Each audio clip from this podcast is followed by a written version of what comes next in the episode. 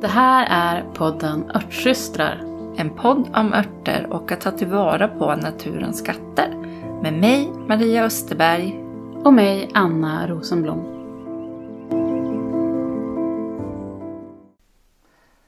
Hej!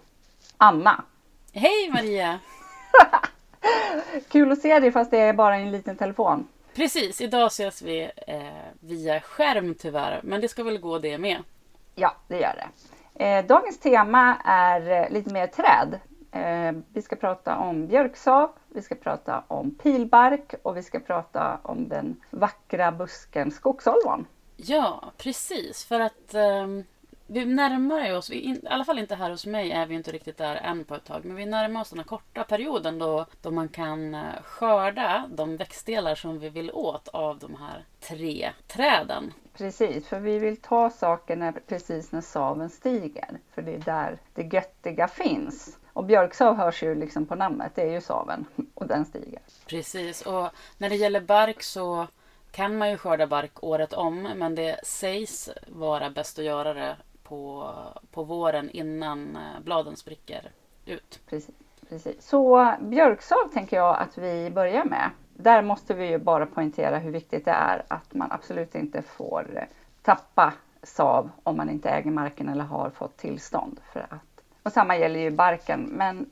björksaven verkligen. Eh. Ja men precis, för den, det ingår inte i allemansrätten utan det, man ska ha tillstånd eller göra det på egen mark eller någon mark hos någon man där känner man får. där man får göra Ja. det. Mm. Precis. Jag tappar ju min sav i Kramfors eh, för jag har ingen björkägare i, närheten där jag bor i Uppsala. Så det är lite tid kvar ännu, men jag kan tänka i södra delarna, nu kom det ju världens snö och väder så nu vart det lite förskjutet. Men det är inte långt kvar. Nej precis, och så vi sa ju det när vi liksom planerade avsnittet att vi, vi, vi kör det här nu för att det är, som, det är lite lite svårförutspått från år till år när, man, när det är dags. Liksom. Det går inte att sätta ett datum. Och sen är det så mycket annat som händer där precis när allting drar igång. Särskilt för oss som odlar. Så att det är väldigt lätt att missa den här luckan.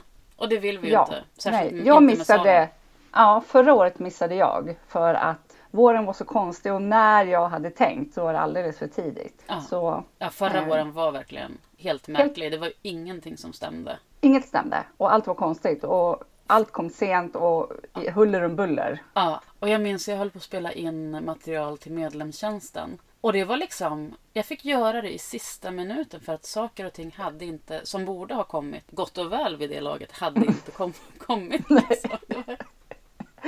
Nej, och du blev ju blåst på ramslök två gånger tror jag. Nej, andra gången fick vi väl tag på lite. Ja, just det. Andra gången fick vi ta på. Ja. Så jag var ändå nöjd ja. Men eh, björksav då, Anna, ska vi börja med hur man gör om man nu har ett träd och eh, fått tillstånd? Ja, eh, jag kan berätta hur jag gör så kan du berätta hur, hur du gör. Det är inte säkert det vi gör lika. Eh, jag brukar inte tappa jättestora mängder. Främst på grund av att jag ofta kommer på det lite för sent. Så det är liksom slutetappen.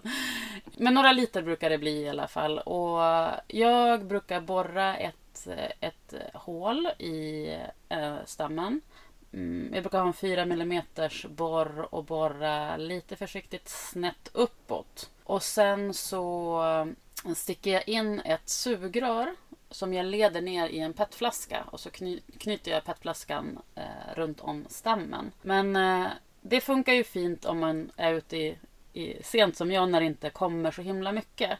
Om det är liksom tidigare i perioden då saven börjar stiga då får man hålla koll så att det inte svämmar över. För det vill vi ju inte. När vi tappar så vill vi ju göra det med stor respekt och ta, ta tillvara den här äh, väldigt eh, näringsrika saften som egentligen ska gå till trädet och liksom hjälpa det att liksom klara av sin växtperiod. Så det tycker jag är ett viktigt ansvar som man har att liksom se till, hålla koll på det så att man inte spiller.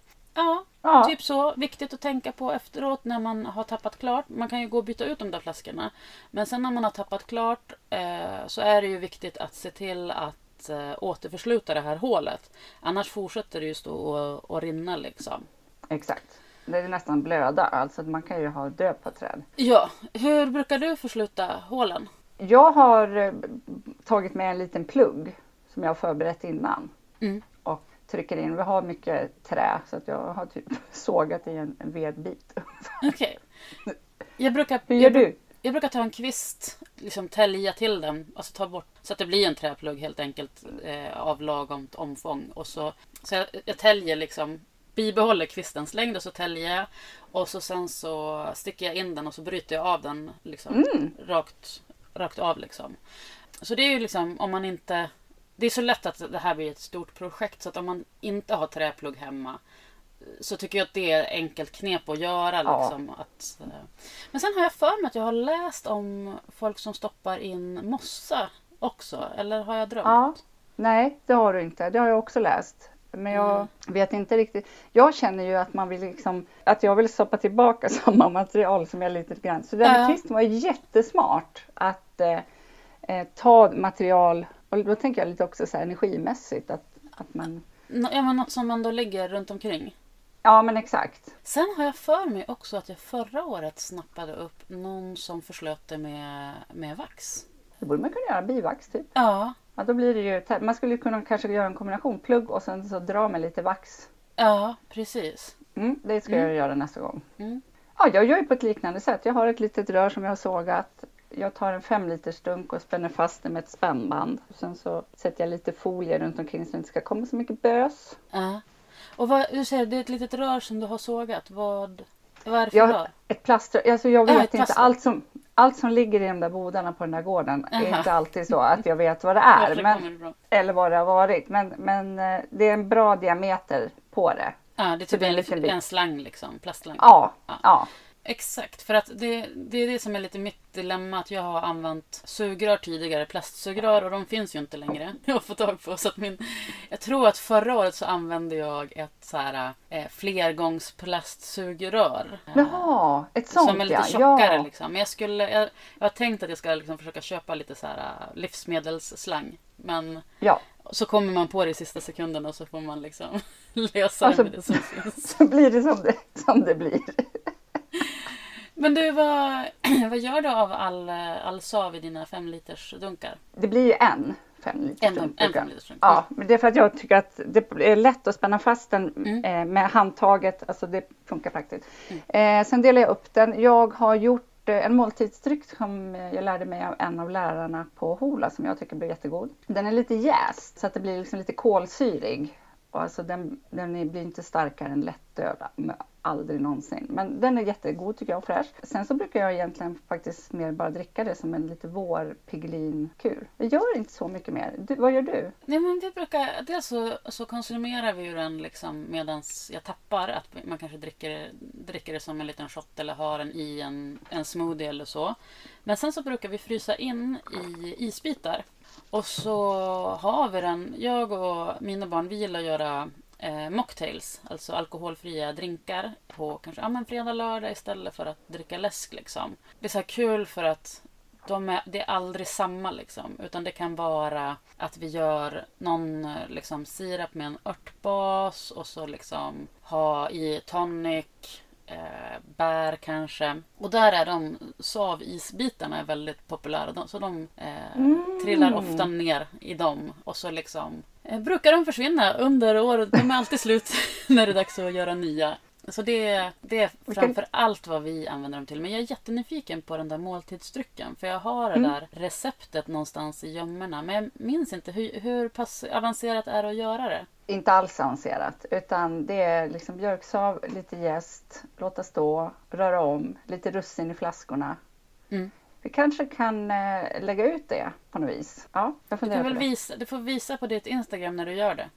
Ja, det kan jag Helt enkelt. Ja. Ehm, men när du säger gäst, är det liksom sån här särskild eh, Nej, gäst utan eller bara vanlig gästgäst? brödjäst. Ah, ja, men då är det ju Så lätt. att inga sådana, ja, inga sådana där konstigheter med specialbeställningar och sånt. Mm. Nu har jag ju i och för sig redan beställt så att jag ska vara redo till eh, Ja. mikrosvinet.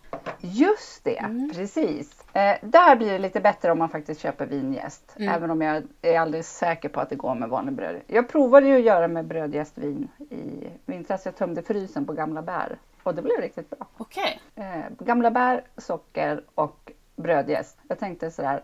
Bären var liksom, det hade nästan börjat liksom bli lite frys. Alltså de, Ja. man säger så här, det här antingen så blir det eh, kassera eller så bara testar jag. Ja. Eh, och det blev faktiskt helt okej. Ah, vad härligt. Mm. Så då kom de till användning i alla fall. Och de, det känns ju ändå, det är ju liksom sko, mina bär, det blir ju en ganska nyttig dryck egentligen. Men man får ju konsumera med förstånd såklart.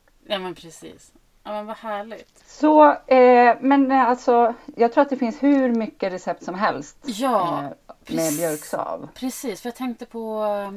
Eh, jag tänkte efter nu. Var det Gea, våran örtsyster, som gjorde... Om hon hade Ja. gjort sirap på dem. Hon På men hon har saven gjort- vid tillfälle. Sirap har hon gjort och sen har hon gjort öl av det. Precis. Det jag vill säga med sirapen var att jag minns att hon testade och så sa hon att ja, det blev så här, det blev ju gott men det tog sån himla tid och det var liksom eh, det var såna enorma mängder sav som gick åt till det. Ja, Att eh, jag tror att hennes slutsats var att liksom ja, det var kul att göra men det var inte riktigt värt det. Eh, nej det är klart om du ska koka ner liksom all den här vätskan till en Ja. tjockare sirap. Ja, men energikrävande tänker jag. Men sen så brygger hon ju, så att, eh, och det var väl lite det också att hon gärna hellre använde saven till att brygga öl på. Ja, det är ju hennes, det är det hon brinner för. Ja, fantastiskt gott. Så det kan man ju utforska om man är lagd åt ölbryggarhållet. Ja, det kan man göra. Det blir väldigt Ja, gott. men det blir väldigt gott. Men jag tänker att där, alla kan ju inte kunna allting och det där kan hon. Mm, verkligen. Eh, och sen skulle vi prata lite om barken på pil. Precis. Jag ska faktiskt säga att jag aldrig har skördat det själv. Jag har köpt det tidigare. Men samma här, för att jag tycker att det är jätteförvirrande med vilken pilbark man kan använda. Jag har, I engelska örtböcker är det ju vitpilsbarken man använder. Men jag vet att jag har läst att det gäller alla salixarter, alltså alla pilar och säljar, att det, deras bark innehåller salicin som Mm. då som en, eh, som en Ipren ungefär. Jag har liksom Ah, jag använder älggräs nämligen för att den är så mycket mer lättillgängligt och det finns det är liksom mycket längre spann att skörda det än pilbarken. Och sen så har jag också läst i någon sån här äh, örtbok från 86 eller någonting att man ska ta från tvååriga grenar. Och då har jag blivit så här, hur fasen ska jag veta det? Och så- Ja, men, men precis, och det, det, det är ju det där som är kruxet eh, med örtkunskap. Liksom, att när vi läser något sånt där och så sen så blir det aldrig av att vi testar bara för att det blir för komplext. För jag kan tycka att eh, eh Salix eh, eller sälj eller pil kan vara lite svårt att identifiera. För de är ju ganska intetsägande. Och ska man då dessutom veta vilka som är tvååriga eh, så blir det liksom... Ja men vitpil är ju otroligt lätt. Det är ju de som liksom, eh, de har liksom, ja men de kan man känna igen. De ser inte ut, de är ju lite annorlunda. Eh, sälj tycker jag är, det är verkligen svårt om man går runt mitt i sommaren. Men nu kan man ju se vad som är sälj eftersom det är de som har videkissar. Mm. Men hur är det? Ska, då ska man ta barken innan videkissarna slår ut till blad? Innan de blir, för videkissar tittar ju fram nu som en liten boll bara. Ja, Och sen så, så fort det börjar bli lite vårvärme, saven stiger så blir de ju där videkissarna fulla med pollen. ja, precis. Så då ska man ta dem innan det händer? Ja? Mm. så skulle jag tänka. När den väl börjar pollinera då har den ju skickat ut all sin kraft. Mm. Det är ganska viktigt att sälj är ett av de viktigaste träden för våra insekter eftersom de är de, bland de absolut första blommorna som kommer. Så om Mm. nyvakna, yrvakna bin och humlor. Så om det inte fanns sälj skulle de inte klara sig. Mm. Det är ganska kul att gå under en sälj typ en dag i april när de är liksom är i full blom. Det låter nästan som ett flygplan av insekter. Ja. Men det där är en intressant aspekt av det. För det blir ju så här, precis som du säger, att man hittar ju sina, sina favoriter. Som älggräs till exempel. Att, ja, men det kanske, den, att den funkar liksom för den, den, de, den, de smärtstillande behov som vi har. Och för mig så är det också så att jag använder för huvudvärk och sånt så använder jag företrädesvis eh, mattram. Och även eh, skogsolvon som vi ska prata om. Så att Mm. jag har liksom känt att jag behöver inte jag har inte känt liksom ett behov av att ha pil i mitt, i mitt örtskåp. Men det som kan vara viktigt att tänka på här det är att vissa somrar så kommer det ju knappt något, något älggräs. Som den här sommaren då det var super super torrt. Då, då gick det inte att hitta älggräs. För Nej. att älggräs är en, en växt som älskar eh, ja, men fuktig mark. Så i och med liksom klimatförändringarna och att vi ser att vi har mer inslag av extremväder så kanske det här är någonting som vi bör tänka på att ändå se till att och skörda lite, lite pil i mm. förebyggande syfte. Liksom. Om vi ser att, som för mig nu, att älggräslagret eh, har sinat över vintern. Jag har inte jättemycket kvar av mitt egenskördade trots att jag skördade ganska mycket. Eh, dels för att jag har, har bjussat på det väldigt mycket. Men att det kan man tänka på att, att fundera över ur, också ur ett liksom, lite självförsörjningsperspektiv. Mm. Eh, för vi lever ju liksom, numera i oroligare och mer oförutsägbara tider. Helt nu blev jag jättepepp på att gå ut jag med. och, och, och skörda salix. Jag känner faktiskt samma sak, att, du, att den där aspekten är otroligt viktig. Att man liksom kanske garderar sig lite grann helt enkelt. Mm. Det, blir det i år vi skördar lite pilbark då helt enkelt? Ja, men jag tror det. Absolut. Och det som man ska tänka på där är ju att det bara är den yttersta delen av av barken som man vill, vill åt. Eh, men vi kommer ju dela en, en reel för det här avsnittet på våra Instagramkonton. Så om du är osäker på hur man gör så gå in och kika på den. För där visar jag, eller visar vi tillsammans. Vi är till, vi är tillsammans när det där spelades in. Det var för två ja. år sedan. Och det som vi, vi skördar där är eh, barken av skogsolvon. Men man gör precis samma sak när man skördar salik. Ja precis. Mm. Jag tror också att jag ska testa att göra det eh, så att man har och mm, bra, så får det bli. Mm. Men ska vi prata lite om skogsolvon då? Ja, det tycker jag. Eh... Som du upptäckte bara växte hemma hos dig lite random. Ja, nej men alltså den, det var ju en, eh, en av örterna som var med på de här enorma listorna av örter som vi förväntades testa och eh, lära oss om i Rosemary Gladstars kurs. Mm. Eh, och på engelska kallas den för cramp bark. Och så när vi skulle beställa den så började ju vi googla och försöka ta reda på vad är det här cramp bark. Och då är det skogsolvon. Eh, Viburnum opulus tror jag den heter på latin. Eh, eller det botaniska namnet. Och den är ju jättevanlig här i Sverige. Eh, växer över hela landet och har ju, eh, om du är osäker på vad det är, om du googlar upp det så kommer du förmodligen känna igen den för den får jättevackra stora bollar av, av blommor. Och sen de, de icke-förädlade varianterna får ju fina röda bär på hösten. Och i min trädgård, när jag flyttade hit så eh, genom min gård liksom, så går det en väg som, grannarna, som går till grannarnas hus.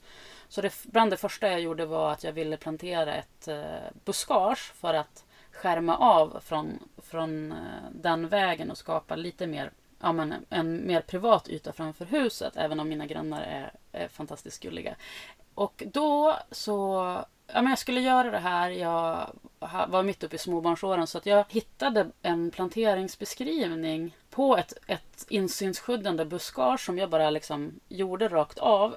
Och det här är jättebra, jag kommer inte ihåg var det var någonstans, men det var liksom det var en, liksom, en tema rabatt som gjordes varje år. Jag tror det heter Mästarrabatten. Av, tror att det har att göra med den här märkningen E-planta. Som är liksom särskilt härdiga plantor för svenskt klimat. Och där kan man ju hitta jättefina eh, härdiga gamla eh, sorter av olika växter. Hur som helst. Eh, skogsolvon var en av de här plantorna. Så därför så, så hade jag skogsolvon av en och det här är en förädlad, den heter någonting med norr eller så här och den ska vara särskilt bra här uppe. Så jag hade ju tre buskar av dem som liksom växer och frodas verkligen. Så jag testade den och tycker att den är, den är väldigt bra mot när man läser på om den, det finns inte jättemycket om den i svenska böcker, men i amerikanska böcker så pratar man bland annat om att den ska vara särskilt bra mot ägglossningssmärta. Alltså mm. den här huggande känslan som man kan få precis vid ägglossning. Och jag har testat och tycker att den, den är jättebra för det. Men av någon anledning har jag aldrig lyckats komma till skott och göra en, en tinktur på den. Utan jag brukar Aha. göra, in, göra infusion. Jag har, har en burk liksom. Hur det nu var så såg jag Lucy Jones, eh, herbalisten som har skrivit den här boken Self-sufficient herbalist. Hon höll på att rensa i sina ja, men du vet, göra årets rensning. Så då gjorde hon tinktur på det hon hade kvar av förra årets skörd för att göra plats för... Hon, ska ju, hon bor ju i England så hon ska ju snart skörda den. Så då var jag så här bara, ah, nej men nu får jag ju se till att göra den, den tinkturen. Så jag gjorde tinktur på den för ungefär en månad sedan. Mm. Och den har precis blivit klar. Och då var det så kul för då fick jag precis tillfälle att testa den på mina döttrar. Så båda två har testat den och tycker att den är jätte, jättebra och effektiv just mot, mot eh, eh menssmärta. Det är en bra smärtört och en kul detalj med den. När jag eh, förra året så rensade jag bort massa rotskott av den eh, och att den hade liksom förgrenat sig så att det blev liksom som det var nästan bara sly. Så jag rev bort massa sånt och krukade om för jag ska, jag ska plantera det på andra ställen. Men det var ganska mycket också som jag bara slängde för att det var, det var såna enorma mängder. Och sen så eh, hade jag samlat det här i en hög på, borta vid min lagård och så gick det ja, men, eh, en halv dag eller någonting och så hade jag ju liksom som glömt av, det var avslutat. Och så kom jag och går och så känner jag så här, men vad är det som luktar? Jag, liksom, det bara slår en doft mot mig som luktar lite grann som eh, valeriana. Och sen så inser jag det är ju de här buskarna. Alltså som, de, de, lig- de, det som jag hade rensat bort som bara låg och torkade ihop. Mm. Att den här eh, doften som, som liksom frisattes när det här började torka är, var ju förmodligen någon form av eterisk olja. Och förmodligen de här eteriska oljorna som har alla de här fina effekterna som crampbarken ger. Ja. Och jag tyckte det var jätteintressant att den eh, doften påminde om valerianan. Eh, och förmodligen liksom är alltså, det handlar nog om att den har de här kramplösande egenskaperna precis som, som valerianan har. Och att det är därför man känner igen det på, på doften. Aha intressant. Det måste ju vara samma liksom. Vad heter det? Jag kommer inte ihåg vad det ämnet heter som är i valeriana som är den här lukten. Ja, men jag tror att det är typ eh, på engelska heter det... Valerion heter det. Va, ja, Valerianic acid brukar det stå i engelska böcker. Eh, Just det. Så, så om det är samma eller någon, någon, någon, eh, liksom ett verksamt ämne med en liknande struktur kanske. Men jag var, tycker att den är, är riktigt, riktigt bra. Jag eh, har gjort tinktur för att jag är, tycker det är fiffigt. jo, men, ja, men ta lite- precis. Och just till eh, smärtlindrande saker så är det ju, är det vill man ju ha tinktur. Ja, Det var ju liksom... Ja men du vet, det är bara så här korkat att jag inte har gjort det liksom. Men, eh, ja, men du vet hur det är. Man tänker Ja, att man ska göra det saker och så blir det aldrig av. nej, nej men eh, skogsolvan är verkligen det var ju ingenting som jag kände till alls innan vi Mm. gick utan det var ju väldigt därifrån. Men en eh, stapelvara just nu. Fast Ja. det är du som är leverantör. Ja, Mitt precis. lilla, jag har fått skott av dig.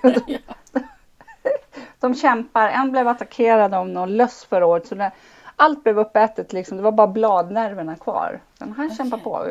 Ja. Och en trängs med en hassel från dig. Så det måste jag plantera om i år. Ja, nej, men, och jag tänker att jag ska, jag ska göra... Jag ska nog, kommer nog använda dem. Jag ska försöka upp fler. Och eh, göra en stor, stort buskage nere på den här nya ängen vid, eh, som uppstod efter avloppsanläggningens om, ombyggnation. Eh, Lite som ett vindskydd berså-aktigt Ja, eller? och Ja. också för att skärma av, för att inte se och höra vägen lika mycket Ah, sommartid. ja. Eh, Mm. Det tror jag kommer bli jätte, jättebra. Det tror jag. Ehm, Men sen sist men, inte, sist men inte minst så skulle jag vilja tillägga angående skogsolvon. Det eh, dök upp, jag är med i eh, Lucy Jones Patreon.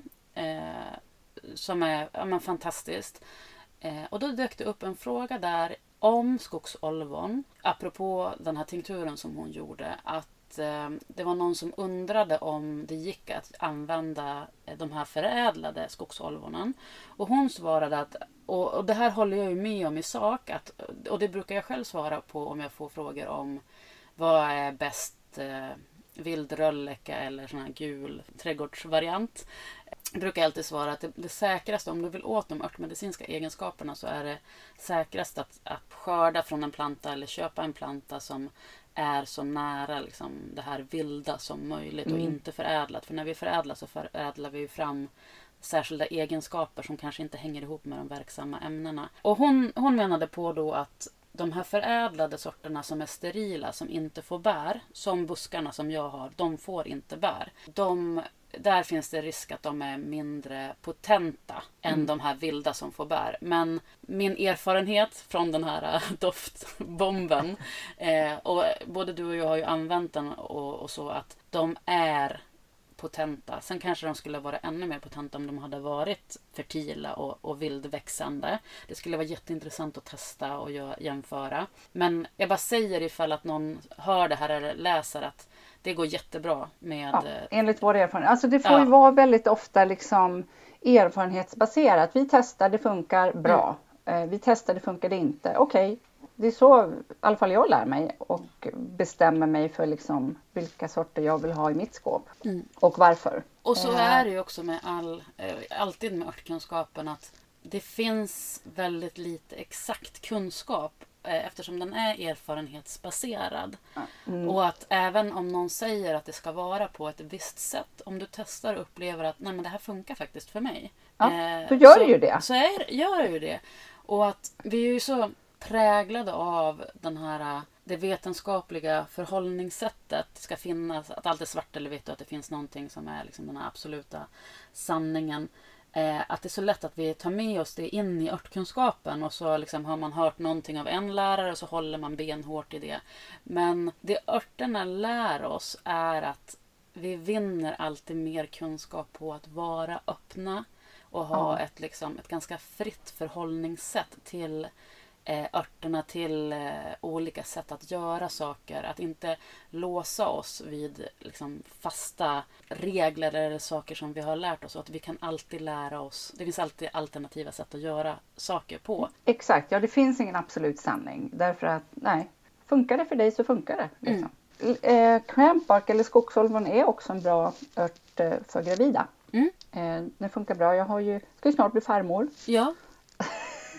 och eh, hon som ska bli mamma till mitt barnbarn har börjat få väldiga förverkar och tycker okay. att eh, det liksom ändå tar lite grann av topparna på det lite grann. Åh, uh. oh, vad spännande!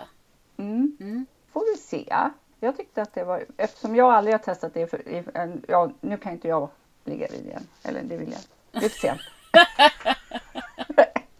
Så tycker jag ändå, eh, för mig är det ganska intressant att eh, ha henne som lite grann referens och testa olika saker. För nu får jag liksom erfarenhet av graviditet. Mm, precis. Så hon har druckit hallonbladste till exempel, tycker det smakar förfärligt. Men om hon blandar det med rosor så går det ganska bra. Mm. Liksom. Och det lät som en väldigt härlig kombo. Ja, det var det. Jag tycker att nästan vi känner oss klara för idag var. Ja, men vad är veckans tips? Veckans tips är att gå ut och leta reda på ett träd med videkissar gå tillbaka dit eh, några veckor senare och se hur viktigt det trädet är för insekterna. Mm. Det tycker jag. Och kanske till och med ta, ta, en, eh, ta och tälja lite av barken ja. när den är i videkissstadiet och skörda. Och testa. Mm. Ja. Mm. Det är veckans tips. Tack för idag, hej då! Tack för idag, hej då! Många frågar efter de recepten som vi nämner i podden.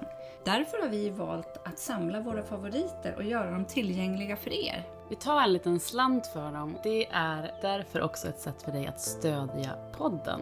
Länk till recepthäftet hittar du i avsnittsbeskrivningen. Du kan också stötta oss genom att följa podden i din poddapp eller gå till poddens programsida och skriva en recension. Tack för att du lyssnar!